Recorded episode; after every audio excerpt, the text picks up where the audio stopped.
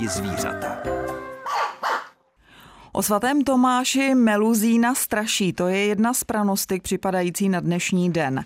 Metrologové vydali varování před silným větrem, sněhem a náledím. Já vás pořadu máme rádi zvířata ničím strašit nehodlám. Naopak, mým cílem je zpříjemnit vám tento předvánoční čas zajímavým vyprávěním bývalého ředitele zoologické zahrady v Hluboké nad Vltavou Vladimíra Holase. Zavzpomíná nejenom na to, jak zoo začala s návratem puštíku bělavých do naší přírody. Budeme si taky povídat o zvířatech, která účinkovala ve filmech které výdáváme před Vánocemi. Ještě předtím mám pro vás ale první písničku. Dobrý den a poslech vám od mikrofonu přeje Jitka Cibulová Vokatá. Je 9 hodin a 8 minut. V případě, že slyšíte můj hlas, tedy hlas Jitky Cibulové Vokaté, tak posloucháte v tuto chvíli právě pořad Máme rádi zvířata. Nesedím ve studiu sama, Mým hostem je dnes bývalý ředitel Hlubocké zoo Vladimír Holas. Dobré dopoledne. Dobrý den přeji. My si dnes společně eh, budeme povídat eh, o historii zoologické zahrady. To je náš seriál, kterému se věnujeme už několik měsíců. A Vladimír Holas je tady ve studiu už hostem po třetí, eh, protože my tohle společné vyprávění, třídílné, završíme vyprávěním o záchraném programu mm, zaměřenému na puštíky bělavé. Eh, zoologická zahrada v Hluboké nad Vltavou byla průkopnice v záchranných programech kriticky ohrožených druhů zvířat a právě Puštík Bělavý byl v roce 1991 obrazně řečeno první vlaštovkou. Je to tak? Ano, je to tak. Roce... Jak to vlastně všechno začalo? Začalo to tak, že v roce 1991 v únoru svolal tehdejší ředitel odboru ochrany přírody inženýr červený pracovní setkání na Kubově huti, kde se sešli zoologové z české strany, z Bavorského národního parku, z Rakouska a hledali se možnosti i přes hraniční spolupráce, protože ty zájmy byly v podstatě totožné, jak by se dalo ty přírodě pomoci. Na bavorské straně už běžely nějaké programy právě s puštíkem Bělavým, rysy, a takže tam se dohodla vlastně ta formaty spolupráce z naší strany. Proč byl tou první volbou právě Puštík Bělavý? No, protože na té bavorské straně už ten program několik let běžel. A v jeho českém kraji ten Puštík už nebyl? A v jeho českém kraji se v těch 80. 90. letech ojediněli objevovali kusy, které ovšem byly zalitnuty z toho Bavorska, protože pro ně jaksi ještě a proč vlastně ten puštík u nás byl eh, na pokraji vyhynutí? Eh, ty stavy nebyly vysoké, to už je izolovaná populace. Eh, to jádro, ta jádrová populace je dále o několik set kilometrů severněji, zasahá od Skandinávie v podstatě přes evropskou část Ruska, Rusko až do Japonska a na Sachalin. A jižně od této oblasti je potom několik několik takových areálů, jeden z nich právě byl na Šumavě, další je v Karpatském oblouku a menší populace jsou potom na Balkáně až po Albánii. Takže tam ta populace nebyla nijak početná a přispělo k tomu asi pravděpodobně nejvýraznější měrou vystřílení, protože tehdy byl veden jako škodná, čili myslivci eh, tlumili škodnou, čili je stříleli to byla jedna záležitost a druhá záležitost taky možná i protože oni intenzivně brání mláďata, která vyletnou z hnízda a za prvních pár týdnů se pohybují po zemi. A takže ani třeba nejsou vidět v tom podrostu, ale mláďa, rodiče hlídají a pokud se člověk přiblíží, tak neváhy ho napadnout docela natvrdou. Mně e, není jasné, proč byl e, půštík bělavý považovaný za škodnou, když naopak e, sovy jsou velmi užitečné, no, živí se hrabošemi. To byl tehdejší náhled na věc, kromě těch hrabošů oni občas seberou i něco, co bylo považováno za lovná zvěř, takže škodná se tlumila, to byla jako takový jeden z těch úzusů, mm-hmm. který tehdy byl zažitý. Víme, kdy třeba bylo zaznamenané poslední eh, hnízdění. Jako já jsem si našla, že to bylo k dispozici z 20. let eh, a do konce 30. let a právě na obou stranách Šumavy, ale přesto jich tam asi bylo jenom minimum. To rozšíření bylo poměrně široké na té Šumavě, jako jádrová oblast byla kolem Boubína, ale jsou záznamy z dalších oblastí, ze Želnavy, ze Stožce, ze Strážného. Dokonce je i teda doložený doklad o hnízdění na kleti z roku 1885, ale jak říkám, ta populace nebyla velká a tímhletím tlakem postupně došlo k tomu, že jako poslední se uvádí tak přelom 20. 30. let. 20. Eh, století. Ovlivnilo ten výskyt puštíka opravdu jenom to, že byl považovaný za škodnou. Eh, v mnoha případech u některých chráněných druhů se mluví o změně eh, prostředí, ve kterém žijí, že tam ten vliv člověka hraje velkou roli.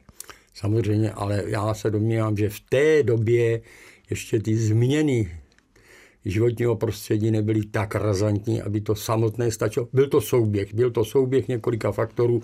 Ta populace zřejmě nebyla příliš početná a plus tady, tady tyhle, ty, tyhle ty případy těch zástřelů, takže přispěli k tomu, že prostě vymizel. To jako není jediný případ, takovýchhle případů je známo víc. Vy už jste zmínil, že mm, jste se inspirovali u našich německých sousedů, protože Bavorský národní park eh, už se věnoval reintrodukci puštíků bělavých. Ale jak to všechno začalo? Kde jste se sešli a kdy jste se domluvili?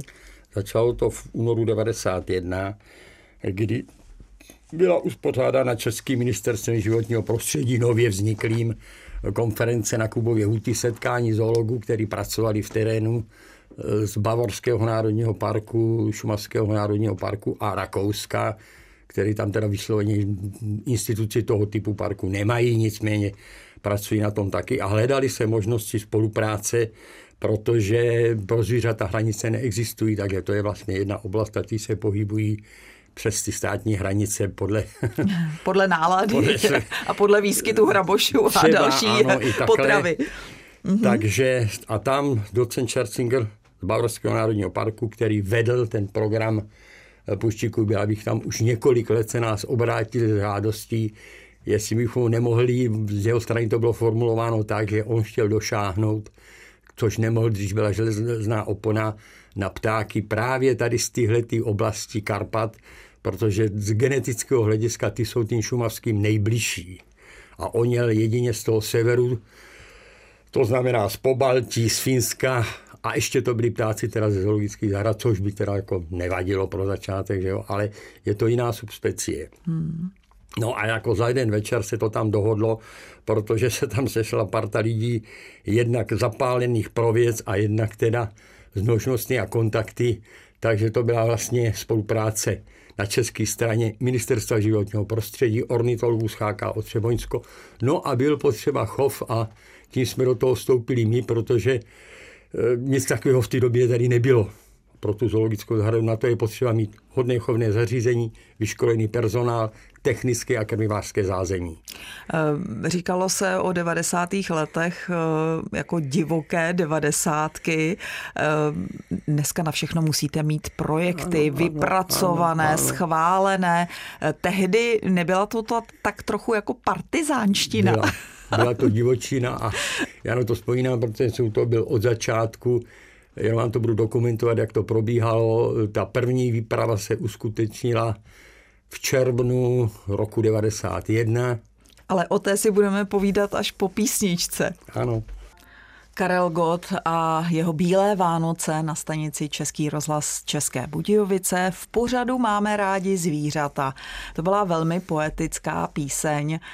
Nádech poetiky určitě bude mít i naše dnešní zvířecí půlhodinka, ale až v závěru, kdy si budeme povídat o zvířecích filmových hrdinech v těch pohádkových eh, příbězích, které vydáme v televizi před Vánocemi a v průběhu vánočních svátků?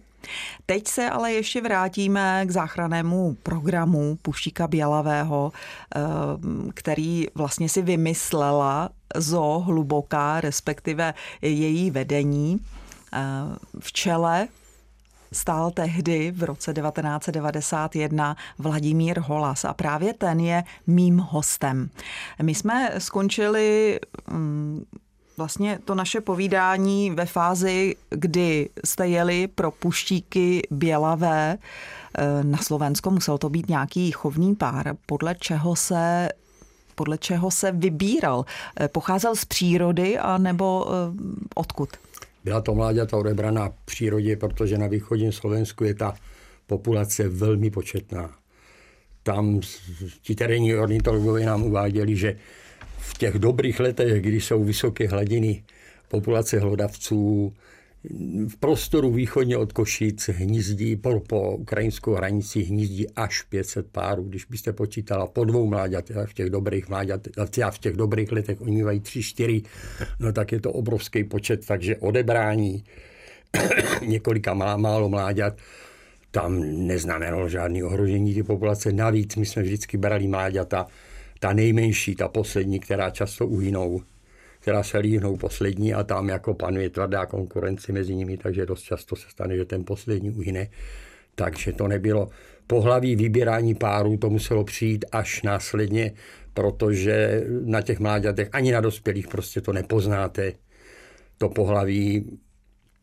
A vy jste říkal, že to byla tak trochu divočina, ten první výlet pro puštíky no, Bělavé. No, ten první výlet, tak ty první tři výpravy z hlediska teda potom z toho, co následovalo, tak to bylo divočina, ale bylo to obrovský plus, protože jako nebyly tam žádné administrativní brzdy. Omezení. My jsme vyjeli z Budějic, hmm. stavili jsme se Bratislavě na ministerstvu životního prostředí, který nás vybavilo příslušnými doklady, dojeli jsme Eh, na ten východ. Tam už to už bylo skontaktováno zase přes HK Třeboňskou, ty ornitologové, ornitologové se znali, oni měli vytipovaný hnízda, tak jsme hmm. Došli tam a já jsem považoval za otázku své stavové stavovské cti, takže při každý ty výpravě jsem si na jedno hnízdo vylez. Bral se tři, čtyři mláďata, dovezlo se to sem do, do Čech, do zoologické zahrady a pak bylo nutné jako pohlaví určit, oni dospívají až tak ve třech letech. Takže se to obtížně poznává. Ne, šlo to, šlo to? to veterináři uh-huh. uměli endoskopii, což je takový invazivní zákrok, kdy se v podstatě pod křídlem eh, přes tu dělní stěnu zavede dovnitř sonda s malou kamerou, světilkem a ty buď ty vajčníky nebo ty varlata se tam dají najít. A podařilo se vám opravdu přivést samici a samce, abyste vytvořili nějaký pár? No to, to vyplynulo až v těch dalších letech proto jako první mláďata na Šumavu se vysazovala, i když ten program začal 91, tak první mláďata se vysazovala až v roce 95. Lišil se ten odchov puštíků určených pro reintrodukci, tedy znovu vypuštění do přírody od toho běžného v zoologické zahradě? My jsme se byli podívat v Bavorském parku, jak to dělají tam.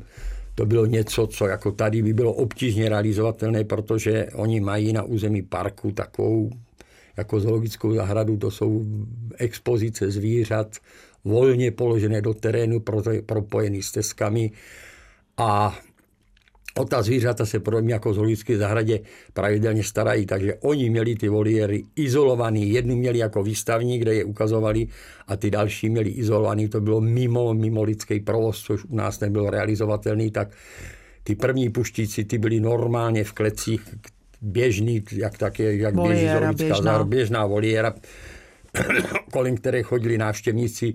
Další dvě jsme postavili ovšem mimo ně už v zázemí, na ty, no, v zázemí mm-hmm. na ty nové ploše, kterou jsme získali na ty louce, kde je v podstatě dneska to groty zoologické zahrady. Jedna byla úplně na konci, druhá byla tak někde uprostřed. Jak dlouho zůstali v zoologické zahradě a kdy jste je vlastně odvezli na tu Šumavu a kam? Ty první mláďata, protože dál bylo jasný, že eh, a logicky už zkušenosti z jiných chovů, že by to nemělo být na jednom místě. To se bohužel ukázalo potom v jednom z dalších let, kdy jsme vlastně nejenom, že jsme neodchovali žádný mláďata, ale ještě jsme přišli o nějaký ptáky z chovných párů, protože se nám to objevila pro nás neznámá věc ptačí malárie. Hmm. Poskytlo to i ten, i ten chov v Hražďovicích. To je, ta, ta tady běžně koluje mezi divokými ptáky, hlavně mezi vodními. My jsme se s ním nikdy ani, ani předtím, ani potom naštěstí nesetkali. Hmm. Takže ne ptačí chřipka, ale malárie. No, přišla, chřipka přišla následně, že jo? To tady tehdy ještě nebylo, nebo aspoň se to takhle neprojevovalo. Takže to vám trošku zkomplikovalo no, to tu nás situaci? zbrzdilo to, takže my jsme následně, jednak teda začali jsme tady, další jako místo bylo vybráno stanice mladých přírodovědců v Horažďovicích a dále jsme k tomu potom přebra, přibrali lesopark Chomutov, takže byly tři místa na Hluboké byly tři páry, v Horažďovicích dva a v Chomutově dva. Uh-huh. Z toho se začínalo. Tam se jim dělali nějaká hnízda anebo budky, jako budky, budky. budky. Jak vypadala taková budka? No Předpokládám, tak, že to nebyla obyčejná ptačí budka. Byla to obyčejná, obyčejná ptačí budka. No obyčejná, co je obyčejná ptačí budka? Specifická přiměřená tomuhle tomu ptákovi, který je poměrně veliký, je to naše druhá největší sova po výroví. No takže ta budka je v podstatě bedna, docela masivní, kde ta přední stěna, jako není tam nějaký kruhový vletový otvor, ale ta přední stěna je vlastně polo, polostěna, kdy do půlky od spodu od dna do půlky je prkno a ten, ta, ta hořejší polovina je celá otevřená. A v jaké výšce je třeba taková budka? V přírodě ty hnízda jsou tak v rozpětí 3 až 10 metrů, takže tady se dávali tak do takových 10-12. Nesetkali jste se třeba i s tím, že by eh, rušili eh, zvířata lidé, byli třeba zvědaví nebo chtěli vybírat hnízda, jako se to mnohdy dělo u mořských orlů třeba? Ano, ne, no tak tam se to jednalo, tam na to šli sokolníci, že u těch mořských orlů ten z tohohle pohledu ten puštík je nezajímavý zvědavost, no tak jako vylezci si na takovouhle budku není zas tak úplně jednoduchá, na to musíte mít vybavení a musí to, to teda zvládnout i fyzicky. Já ne, neznám ze Šumavy hmm. takovýhle případy, jaké jsou třeba poškozované ty fotopasti. Nevím o případu, kde by to bylo nějakým takovýmhle způsobem narušovaný, ono je to taky často mimo ty cesty, běžný, takže se s tím ty lidi ani moc nesetkají. Eh, byly ty začátky krkolomné, přežívali ehm, puštíci bělaví vypuštění do přírody, odchovaní ze zoologické zahrady? První v tom roce 95 byli vypuštěni na českých žlebech, to byla ta první voliéra. V následných letech se potom postavili další asi tři nebo čtyři. No, jako i ta technika, my jsme o tom potom přebrali, víceméně jsme to zmodifikovali z toho Bavorska, tady na ty první voliéři, tam se odvedla jenom ta mláďata, která tam byla nějakou dobu krměna, poté se jim ta voliéra otevřela, nechali se volně vyletět a ještě se dokrmovali na střeše ty voliéry nějakou dobu, ale oni se celkem dorientovali poměrně rychle v těch dalších letech už potom se přistoupilo k tomu, což jako bylo lepší, že se tam převezl jeden chovní pár a k tomu se přidali mláďata z těch ostatních, takže brávali se, brávali se eh, na tu Šumavu od nás anebo z Horažďovic.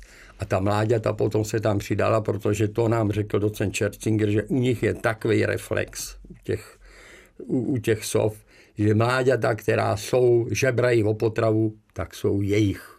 Mm-hmm. Čili do ty voliéry se posadil ten pár a k tomu se dalo i šest mláďat, přestože oni sami měli třeba jenom dvě, ale když tam byl dostatek potravy, tak oni je nakrmili.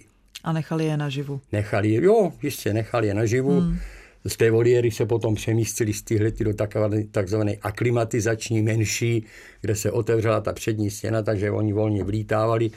V těch první fázi se to ještě přikrmovalo a byl tam kontakt s těmi rodiči, kteří byli v tom, protože i v té přírodě Oni, ty mláďata, vyskáčou z hnízda, i když ještě nejsou zletná, proto se pohybí z začátku po zemi, pak se vydrápají na ty stromy, nezačnou lítat, ale ta rodina drží pohromadě asi tak dva měsíce ještě. Eh, pořád jste spolupracovali eh, s Bavorským národním parkem. Eh, měli jste třeba kontakt jako i v tom smyslu, že jste se zeptali máte na straně nějaké naše puštíky bělavé? Promísila se ta ano, populace? Ty, kontakty, ty kontakty se udržovaly, protože Eh, ti ptáci, kteří byli vypouštěni, byli samozřejmě kroužkovaní, měli kroužky a ještě teda potom pro identifikaci, to už takových těch hm, nepříjemných situací, které se taky staly, když ten pták uhynul, tak ještě měli čip.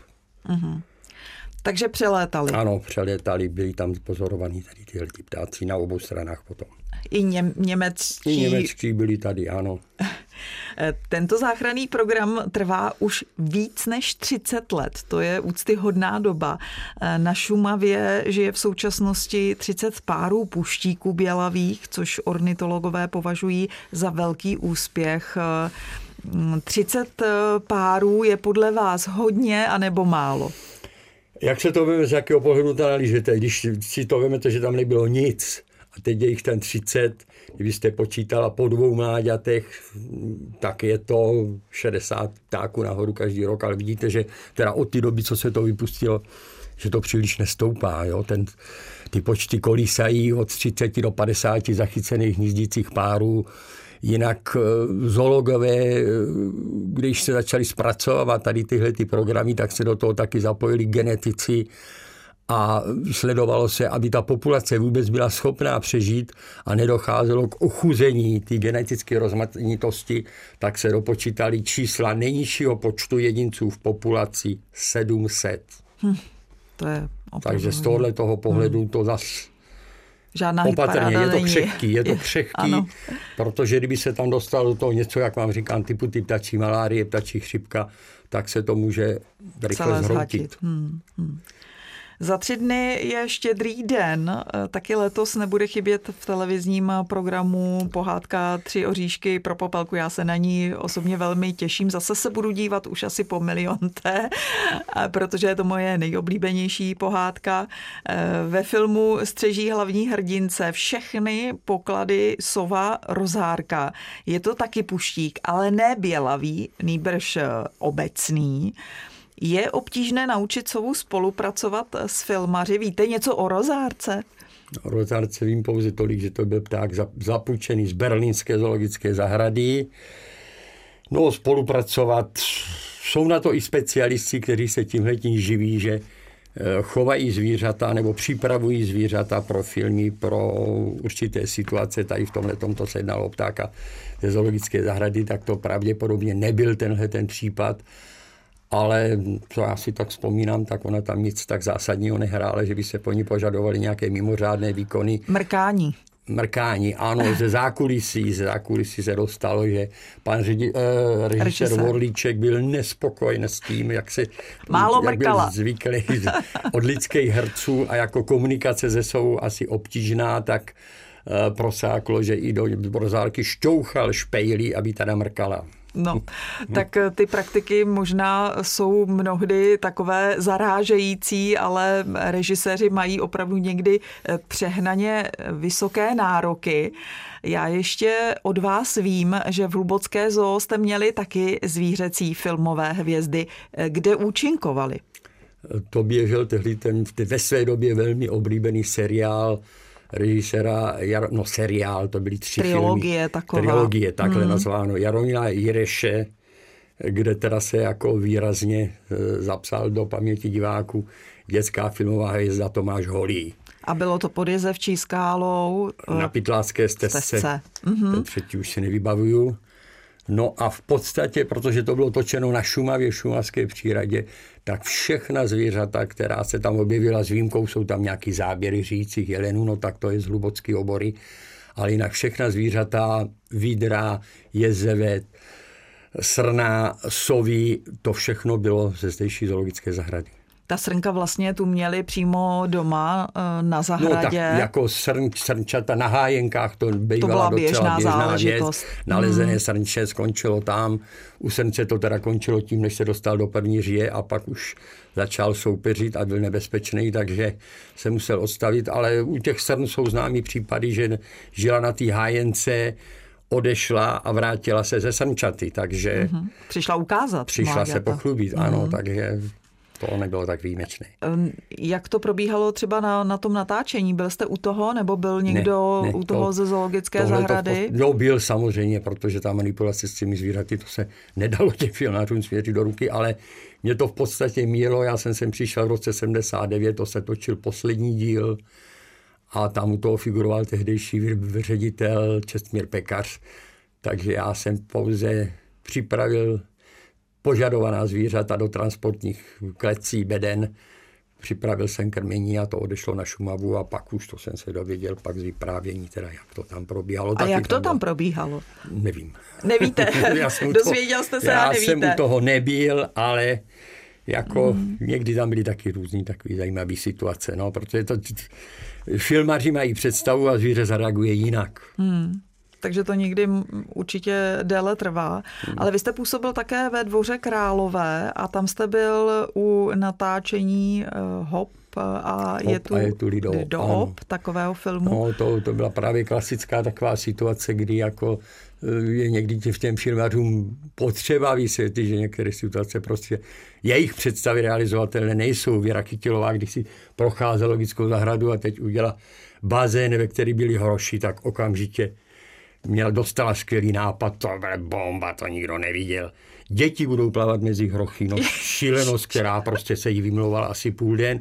Pak měla další požadavek, eh, že tam měla být scéna, kdy dáma vejde do, do koupelny, odloží si, stoupne do vany a teď zjistí, že tam je krokodýl. Mm-hmm. Tak to realizovatelné bylo. Krokodýly jsou pojkilotermní živočichové, to znamená, s chladem jejich aktivita klesá až nulu, takže tenhle ten krokodýl, já to řeknu jenom v kostce zkráceně, firmaři připravili takovou koupelnu, ve které byla vana, musel se odchytit krokodýl, nejmenší, aby se do té vany vešel, podchladil se ledem. Mm-hmm a začal hibernovat trochu. V podstatě jakoby. ano, v podstatě by se dostal jako do hibernace, když krokodily teda nehibernují, ano. ale jako to je to fyziologicky, je to stejný proces, dal se do té studené vody a příslušná dotyčná herečka, aby se to ještě pozichrovalo, tak ta stoupala teda k ocasu, ne k hlavě toho krokodýla. Hmm. A všechno dobře dopadlo. A sehrálo se to na první, na první střih, to vyšlo perfektně, paní režisérka nadšená. Tak já doufám, že jste byli nadšení i z vyprávění, eh, vzpomínání bývalého ředitele Hlubocké zoo Vladimíra Holase.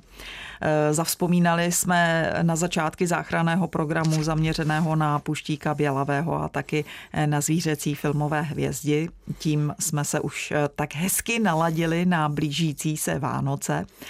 Děkuji za příjemné a zajímavé vyprávění nejenom vám, ale eh, taky všem našim posluchačům přeji klidné a pohodové vánoční svátky.